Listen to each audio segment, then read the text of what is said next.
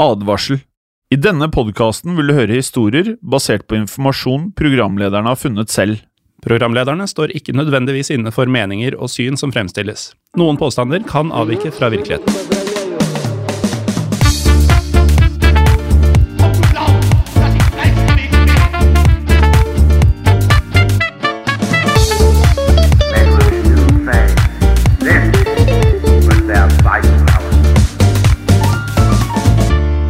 Hei og velkommen til historiepodden andre verdenskrig, historiepodden AVK, historiepodden WW2, hva du nå vil kalle det. Jeg er Morten Galaasen. Og mitt navn er Smalte Jim Fosheim. Satte jeg deg litt ut på starten og hjem? Nei, jeg syns det var veldig Du tok alle. Ja. Eller det er sikkert flere vi ikke har kommet på, da. Men Mm. eh, ja. Eh, En litt sånn kuriøs eh, ting, og morsom ting, og noe som vi setter veldig pris på. Vi har to ganger i 2022 eh, satt månedlig lytterrekord i denne podkasten. Mm. Og det har bare vært to måneder i 2022. Oi, Betyr det at måneden vi nå er i gang med kan være en eh, rekordmåned? Ja, og det som er litt eh, Ja, det kan absolutt. Det som er litt spesielt, at forrige måned var jo litt kortere. Ja, Eh, og det gjør det jo kanskje enda morsommere. det gjør det jo. Ja. Eh, og da tenker jeg vi gjør det jo innimellom. Vi gjør det for sjelden. Og det er å takke alle som hører på, takke alle som følger oss. Mm. Eh, og til alle dere som rater podkasten vår, eh, om det er på Apple eller Spotify. Så er vi nå på 800 ratinger på Spotify, og jeg har 4,9 stjerner. Da blir jeg egentlig litt stolt. Ja, må innrømme det. Og det, det med ratinger på Spotify er jo bare Det føles fortsatt bare noen uker siden vi fant ut at det var noe. Ja, var, Eh, det ikke ved nyttår, da? Sånn cirka. Ja. Eh, Rundt juletider, tenker jeg. At eh, jeg snubla over det som ikke Apple-bruker. Ja, det var veldig bra deg, Morten. Plutselig så er vi på 1000 ratinger. ja, før vi aner ordet av det. Men eh, til eh, dagens episode, som er en episode vi gleder oss til å presentere for dere som hører på. For denne ukas episode er spesielt valgt ut av lytterne. Både på vanlig Historiepodden og her på Historiepodden andre verdenskrig. Og dette valget det skjedde i forbindelse med kvinnedagen, som er ja, i morgen, hvis man hører på når denne publiseres. Eh, For en lytter oppretta en eh, poll, eller en avstemning, i Facebook-gruppa vår. Historie for alle. Eh, Og det å opprette en avstemning der, Jim, det, det er lettere sagt enn gjort ja, for mange av oss. Ja, nei, altså Teknologien til Facebook er lagt opp på en slik måte at det er, angivelig ikke er komplisert. Så du skriver spørsmålet, Mm. og så lager du x antall alternativer under. Ja, uh, Vi har eh, prøvd det før. Uh, Og kommer til å prøve det igjen. Ja. Grunnet at vi aldri egentlig har fått det til 100% når vi har gjort det selv. Mens dere lyttere har da denne gangen klart det! Ja. Det vi ikke har klart. Denne lytteren lyktes i å opprette en poll i Historie for alle. Og der kunne folk stemme på hvilken kvinnelig historisk person vi skulle lage en episode om til kvinnedagen. Mm. Eh, og kvinnen som da kom seirende ut av avstemningen, var Irena Sendler. Og det er da selvfølgelig hun vi skal snakke om i dag. Men vi kan også nevne at kvinnen som kom på andreplass, nemlig Harriet Tubman, er da tema for ukens episode i Historiepodden. Ehm, så episoden av Tubman publiseres da faktisk på selve kvinnedagen 8. mars. Det er noe vi er veldig fornøyde med. Det er vi. Og for de som ikke kjenner til Harriet Tubman, så var hun da en afroamerikansk kvinne som rømte fra et liv i slaveri, og deretter via livet sitt til å hjelpe andre slaver med å rømme. En fascinerende historie som alle bør sjekke ut. Absolutt. Men her i dag skal det handle om Irena Sendler. Hun var en polsk-katolsk sosialarbeider som arbeidet i Polen under andre verdenskrig, da landet var okkupert av nazistene. Sendler var eh, del av et eh, hemmelig polsk motstandsnettverk, og hun reddet til sammen 2500 jødiske barn under annen verdenskrig. Og hvordan Irena Sendler lyktes med denne fantastiske prestasjonen, det skal dere få høre alt om i løpet av episoden. Men eh, la oss starte, Jim, med å fortelle litt om eh, hvem Irena Sendler var, og hvor hun kom fra. For eh, Irena Sendler var ikke hennes opprinnelige navn. Hun var jo fra Polen, og da skal det være litt vanskeligere enn som så. Nå er jeg spent. Hvis du klarer å ta dette på første forsøk, Morten, da er du, da er du god. Ja, vi, eh, vi prøver. Døpenavnet var Irena Staniswava Krusanovska. Nærme nok. Ja, det er nærme nok. Jeg, jeg må prøve, jeg òg. Irena Stanislava Kryzjanovska. Ja, der kom den. Ja. Eh, men vi skal da mm, holde oss til eh, Sendler. Hun ble født 15.2.1910 i Warszawa. Har du vært i Warszawa? Det har jeg faktisk. Det er også. siste turen jeg dro på før eh, pandemien tok oss. Ja. Så ja. det er eh, to år pluss i disse dager. En by du setter pris på? Jeg likte meg svært godt. Jeg også. Mm. Veldig fin by, og du merker jo faktisk da at det her er en by som eh, annen verdenskrig gikk hardt utover. Virkelig. For her er det mange forskjellige stiler. Hvis man drar til Warszawa, så må man innom museet for uh, The Ghetto Nei, The Wars of Uprising, heter det kanskje. Um, for det er en brutal historie som Ja. aldri må glemmes. Nei, der var ikke jeg, men jeg husker når jeg var i Krakow, så tok vi eh, turen til konsentrasjonsleirene. Mm. Eh, det er eh, For de lytterne som ikke har vært der, når anledningen byr seg Det er et viktig sted å ha besøkt, og man må aldri glemme grusomhetene. Mm. Eh, og det var, jeg må bare si, det var mye verre. Ja, altså, Man har sett filmer, og det ser ille ut, men det var mye verre enn hva jeg trodde. Mm. Eh, og når man eh, Jeg husker eh, senere samme dag vi skulle spise middag, så var det Jeg var faktisk preget av det. Og eh, alle som var sammen her med oss også, var, var eh, det, det, er- Satt ut. ja, og det som kanskje var det Det som gikk mest inn på meg Det er mange som har pratet om eh, det er, Alt er forferdelig. Og man kan prate om kloremerkene på veggene og folk som prøvde å rømme. Hvilken desperasjon folk måtte ha. Men jeg gikk rundt der i superundertøy.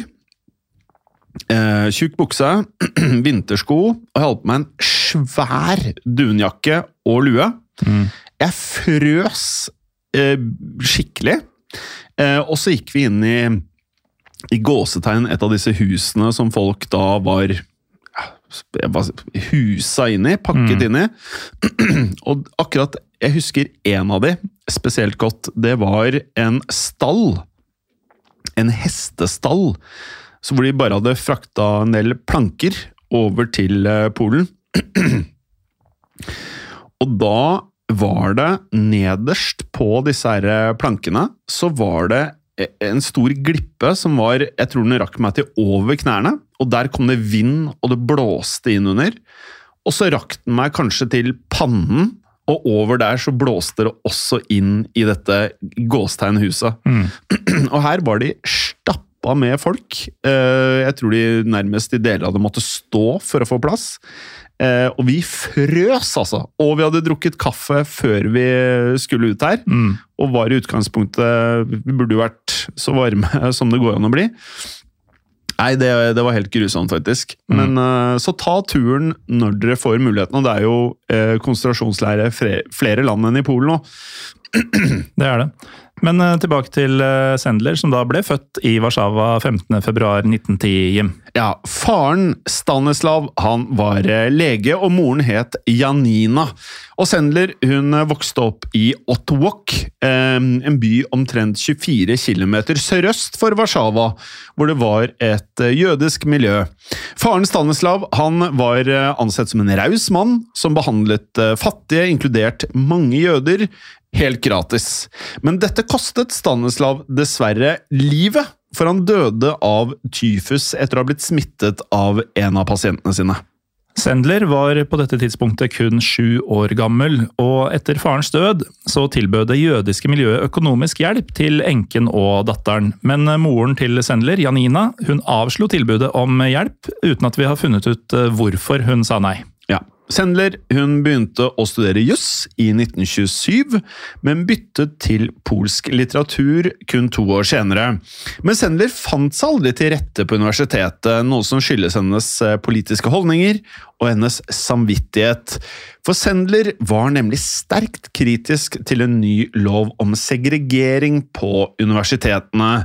Jøder ble identifisert med egne merker på ID-kortene sine, og det ble pålagt å sitte avskilt fra andre under forelesningene. Denne offisielle politikken med tvungen segregering ble ofte ledsaget av vold mot jødiske studenter, og det var flere ekstreme høyre- og antisemittiske organisasjoner som angrep jøder både på skoler og ellers i samfunnet. Jødiske studenter de protesterte mot politikken sammen med polakker som støttet dem i saken. Og protesten innebar å stå, i stedet for å sitte under forelesninger. Segregeringa fortsatte frem til Nazi-Tysklands invasjon av Polen i 1939. Ja. Sendlers motstand mot denne antisemittismen, koblet med at hun var aktiv i sosialistiske ungdomsgrupper, førte til at hun ble utestengt fra studiene sine. Og sosialisme er jo da for øvrig en eh, betegnelse, Morten, på politiske teorier som går ut på at økonomisk ulikhet bør bekjempes, og at målet for samfunnsutviklingen eh, bør et klasseløst eller et eh, likestilt fellesskap. Og pga. disse meningene så ble Sendler gjentatte ganger nektet ansettelse på skoler i Warszawa etter negative anbefalinger utstedt av universitetet. Universitetet beskrev Sendler som en radikal venstreorientert fanatiker. Og I stedet så arbeidet Sendler som sosialarbeider, og hun ga rettshjelp og også andre råd til fattige kvinner, mange av dem av jødisk opphav. I 1930-årene jobbet Sendler på en klinikk som tok av seg vanskeligstilte kvinner i samfunnet. Og dette kunne være kvinner som hadde fått barn utenfor ekteskapet, eller som levde i ekstrem fattigdom. På samme tid var Sendler gift med sin første ektemann, Mikoslav Sendler. Den 1. Eh, september erklærte Tyskland krig mot Polen, vi er altså fortsatt i 1939, og satte i gang en storstilt invasjon av landet. Sendlers ektemann, eh, ble da mobilisert til den polske hæren, men ble fort eh, arrestert av tyskerne og plassert i en fangeleir. Men sosialarbeidet til Irena i Warszawa ble også påvirka av tyskernes inntog i byen. Ja, for den 1. november 1939 så beordret de tyske okkupasjonsmyndighetene at alle jødiske ansatte skulle fjernes fra Sendlers avdeling. Avdelingen ble også hindret fra å hjelpe Warszawas jødiske borgere. Og Sendler og hennes kolleger tok i stedet av seg sårede polske soldater. Men sosialarbeiderne de utstedte falske medisinske dokumenter, som soldatene og fattige familier i byen trengte for å få hjelp. Men eh, Sendler gjorde i hemmelighet eh, noe annet også. Hun eh, sendte også slike verdifulle dokumenter til de jødiske familiene som var i nød. Sammen med tre kvinnelige kollegaer så laget Sendler også andre falske referanser og fant på smarte løsninger for å hjelpe ekskluderte jødiske familier og barn. Men i november 1940 tok jødenes eh, situasjon i Warszawa en ny vending. Da ble en liten del av byen utpekt som en jødisk getto, nemlig. Og her ble rundt 400 000 jøder stuet sammen, uten å være i stand til å forlate det overfylte og strengt bevoktede området. Og hør på dette her. Denne gettoen, vi har pratet om i vanlig historie på den tidligere, Gettoen var kun på 3,7 kvadratkilometer, og dette er omtrent like stort som i Oslo, for de av dere som har vært eh, og sikkert er i Oslo. Bygdøy kjenner dere sikkert. Det er ca. på samme størrelse som hele denne gettoen, som skal huse nesten en halv million mennesker. Ja, Det er altså ikke plass til 400 000 mennesker på Bygdøy. Nei, det er det ikke. Eh, og arealet tilsvarer også ja, noe sånn som eh, i underkant av 520 fotballbaner. Det, det, er jo ikke mye! Nei, det er ikke det. Eh, med andre ord så var det da rundt 108 000 mennesker per, per kvadratkilometer. Det er skyhøyt. Mange av Sendlers venner og kolleger var blant dem som var fanga i gettoen. Men eh, siden Sendler og de polske kollegaene var ansatt i Warszawas eh, sosialtjeneste, så fikk de spesielle tillatelser til å gå inn i gettoen for å se etter tegn på tyfus, en eh, sykdom tyskerne fryktet ville spre seg i gettoen. Så, under påskudd av å gjennomføre sanitære inspeksjoner, så sneik Sendler medisiner, klær, mat og andre forsyninger inn i gettoen. Dette arbeidet ble utført under enorm risiko, selvfølgelig, for eh, fra oktober 1941 så kunne man bli straffet med døden til følge for å gi noen form for bistand til jøder i tysk-okkuperte Polen. Og straffen gjaldt ikke bare for personen som ga hjelpen, men også for hele familien til personen som ga hjelpen. Men eh, Sendler og de andre sosialarbeiderne de lot seg ikke affisere av den vanvittige risikoen som eh, de tok. Etter å ha sneket inn eh, nødvendige varer i flere måneder, så tok Sendler det hele ett steg lenger. Hun ville nå hjelpe jøder med å rømme fra gettoen. For det ble med tiden klart at tyskerne ikke lenger planla å sende jødene bort for å leve adskilt fra andre såkalte raser. Stemmer det. Og I løpet av andre halvdel av 1941 så iverksatte tyskerne det de omtalte som denne endelige løsningen. Vi har pratet om det i podkasten tidligere også, hvor målet var rett og slett kun å tilintetgjøre Europas jødiske befolkning. Og Det vanligste dødsstedet var jo da dødsleirene, altså konsentrasjonsleirene. Men svært mange døde også i gettoer og i massehenrettelser under tyskernes fremmarsj på østfronten. Og dette fikk Sendler til å gå til mer ekstreme skritt for å hjelpe jødene. Hun hjalp jøder med å snike seg ut av gettoen, og hun smugla babyer og små barn ut fra gettoen selv.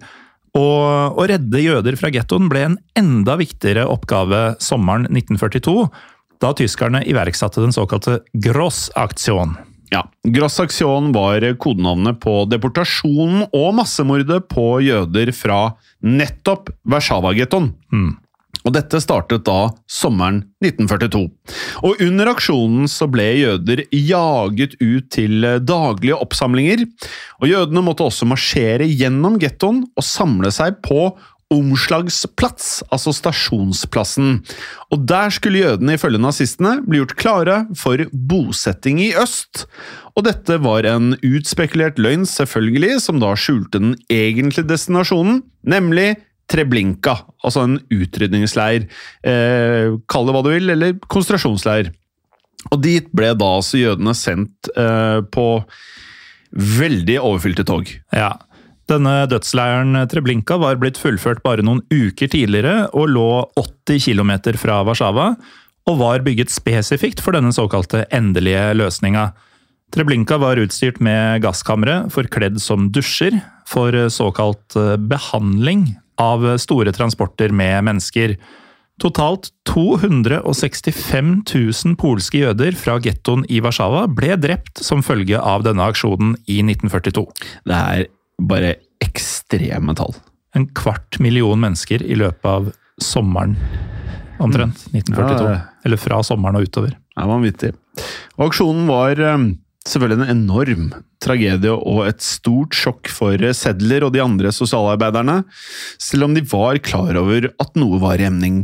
Men de fortsatte arbeidet sitt med å hjelpe de gjenværende jødene i gettoen, til tross for denne enorme risikoen som de tok på vegne av seg selv og også familiene sine.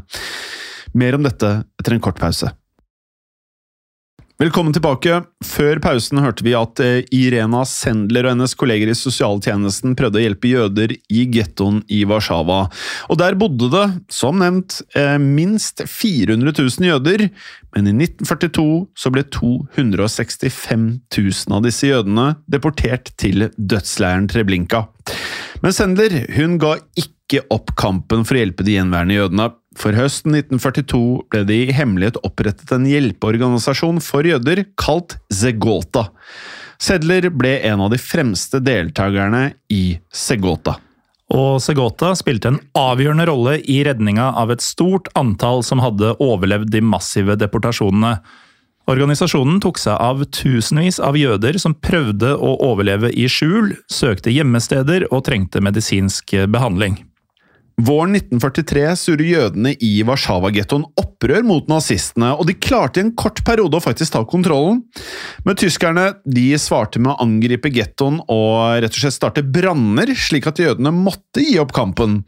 Og totalt ble 13 000 jøder drept i opprøret, omtrent halvparten av dem ble brent levende eller kvalt av brannrøyken. Fire måneder senere så ble Sendler utnevnt til direktør for Segotas hemmelige avdeling for omsorg for jødiske barn.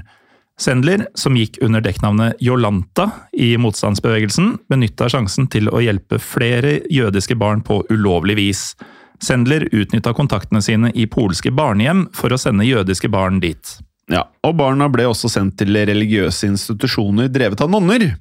Barna ble ofte gitt kristne navn og lærte kristne bønner, i tilfelle de ble testet av tyskerne. Og Sedler ønsket å bevare barnas eh, jødiske identiteter, så hun laget lister med barnas kristne navn og ekte navn og nåværende plasseringer. Og disse listene ble oppbevart i et hermetikkglass. Men eh, Sendlers aktiviteter gikk ikke upåaktet hen, selv om hun skjulte dem godt. Den 18. oktober 1943 så ble hun arrestert av Gestapo, som da var nazistenes hemmelige politi. Mens Gestapo ransaket huset hennes, så fikk Sendler rett og slett kasta de jødiske navnelistene over til venninna Janina Grabowska, som gjemte lista i de løse klærne sine. Ja, og om Gestapo da fikk tak i disse listene, så var det jo faktisk slik at alle disse barna ville jo da bli avslørt og også drept. Så dette her var ekstremt viktig. Men til alt hell, Morten, så ble Grabowska aldri ransaket.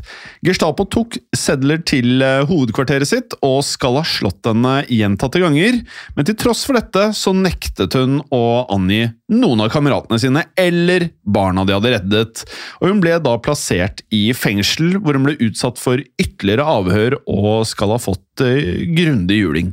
Den 20. januar 1944 så ble Irena Sendler ført ut av cella si for å bli henretta ved skyting. Men så skjedde noe rett og slett utrolig. De tyske vaktene som eskorterte henne, lot eh, Irena plutselig gå fri på vei til henrettelsen. For de var nemlig blitt bestukket av folk med koblinger til Segota, Irena Sendlers organisasjon. Ja. Og Sendlers eh, nære møte med døden avskrekte henne på ingen måte fra å fortsette å hjelpe jødene. For etter løslatelsen i februar 1944, selv om hun da visste at myndighetene holdt øye med henne, så fortsatte Sendler sin motstandskamp. Men av faren for å bli drept, så måtte hun nå skjule seg, og hun arbeidet blant annet som sykepleier under et eh, dekknavn. Ja, og dette var jo ikke uten offer, for livet med skjult identitet det hindra f.eks. Sendler i å komme i morens begravelse, men det sørga tross alt for at eh, hun overlevde krigen. Tidlig i 1945 så ble jo Warszawa frigjort av sovjetiske soldater, og i eh, desember 1945 så ble Irena Sendler utpekt som ny leder for sosialdepartementet i Warszawas byråd. Ja, Sendler og hennes medarbeidere samlet da alle listene over eh, skjulte jødiske barn og ga dem til deres eh, Segota-kollega Adolf Berman. Og Berman han var leder i sentralkomiteen for polske jøder.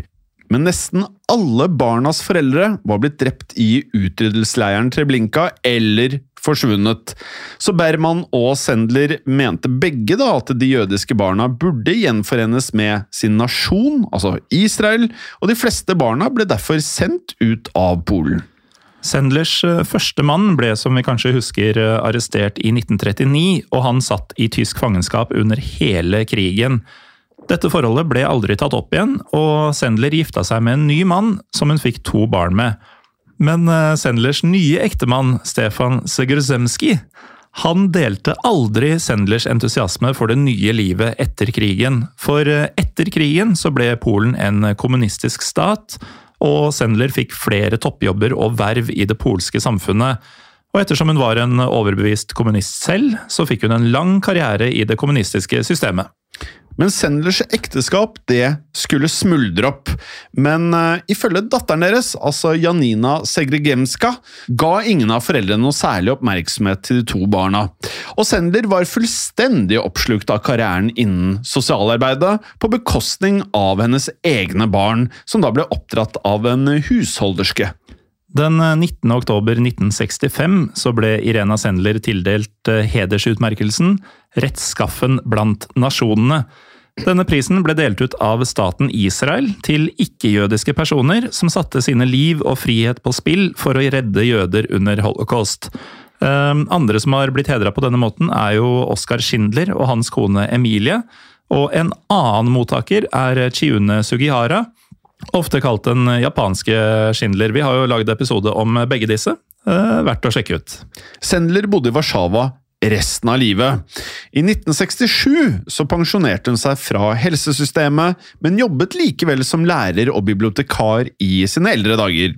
I 1980 sluttet Sendler seg til Solidaritetsbevegelsen, en gruppe som kjempet for mer demokrati og frihet i kommunistiske Polen, og kommunistregimet falt kun noen år senere, i 1989. Og Sendler var jo veldig kjent i Polen, men eh, mindre kjent utenfor hjemlandet. Likevel så mottok hun en rekke hedersutmerkelser, inkludert et personlig brev fra pave Johannes Paul 2. Det ble også etablert en stiftelse til hennes ære, Life in a Jar Foundation, som er en stiftelse som arbeider med å fremme holdningene og budskapet til Sendler, nemlig at eh, alle mennesker er verdt å redde, uavhengig av etnisitet og religion. Det liker vi. Det liker vi. Irina Sendler fikk et langt liv. Hun døde den 12. mai 2008, 98 år gammel. Og vi skal avslutte med et par av hennes sitater. La meg understreke mest ettertrykkelig at vi som reddet barn ikke er noen slags helter. Det begrepet irriterer meg stort. Det motsatte er sant. Jeg fortsetter å ha samvittighetskvaler for at jeg gjorde så lite. Og det setter ting litt i perspektiv. Hun fortsetter med følgende. Hvert barn som ble reddet av min hjelp, er rettferdiggjørelsen av min eksistens på denne jorden, og gir meg intet krav på ære. Ganske ydmyk dame, dette her. Dette her er et stort menneske. Rett og slett. Mm. Eh, på mange måter eh, En av de episodene så langt som eh, Alt med eh, konsentrasjonsleirene, disse gettoene Det er et eller annet med det som er så langt unna å behandle hverandre på noe som er i nærheten av å være humant. Mm. At det, det er så sterkt. Jeg merker det. En ting er å lese om det og se dokumentarer på TV. Men når vi sitter og prater om disse tingene i podkastsammenheng, det, er- det er veldig tungt. Det er det. Mm. Og um, med tanke på hva som skjer i verden i disse dager, så trenger vi denne type historier om håp og om at det fins godt. Um, spesielt kanskje i Øst-Europa akkurat nå. Mm. Det er alltid håp, og øh, det er, øh, selv om hun selv ikke vil kalle seg en helt, jeg kaller henne en helt. Det er udiskutabelt at uh, Irena Sendler er en helt. Ja, men hvis det er folk som er på dette nivået som ikke blir kalt helter, så er det vel kanskje derfor de nettopp blir helter. Nettopp. Ja. Eh, med det, folkens, tusen takk for dette fantastiske tipset. Vi hadde aldri lagd denne episoden hadde ikke vært for at dere kom med så gode innspill til oss, og det gjør dere stadig vekk. Mm. Men kom gjerne med flere polls Ja. på Facebook. Um, og rate oss veldig gjerne på Spotify og iTunes. Og igjen, tusen takk for episoden. Takk for alle hyggelige tilbakemeldinger vi får av dere hver eneste uke. Og takk for at dere hører på. Takk for at dere hører på. Uh, ha håp, uh, og vær positive, så kommer vi oss igjennom dette også. Mm. Og Jim, dette her uh, har skjedd. Og det kan skje igjen. Ha det bra. Historiepodden ønsker å takke følgende. Dere som hjelper oss som sitter i produksjonen, Dere som hjelper oss som sitter i redaksjonen, inkludert eh, tekstforfattere. det er helt riktig, og dere som sitter på marked, som faktisk da gir oss muligheten til å drive med Historiepodden. Og selvfølgelig alle dere som hører på. Tusen takk. Moderne media. Kiwi er billigst i VGs matbørs og har vært billigst i fire av de fem siste VGs matbørser. Og nå presser vi prisene på frukt og grønnsaker. På 200 gram broccolini setter vi prisen til 24,90. På 400 gram Cevita blåbær setter vi prisen til 49,90. Og husk, alle Kiwi Pluss-kunder får i tillegg 15% trumfbonus på all fersk frukt og grønt. For det er vi som er prispresserne. Og vi i Kiwi gir oss aldri på pris.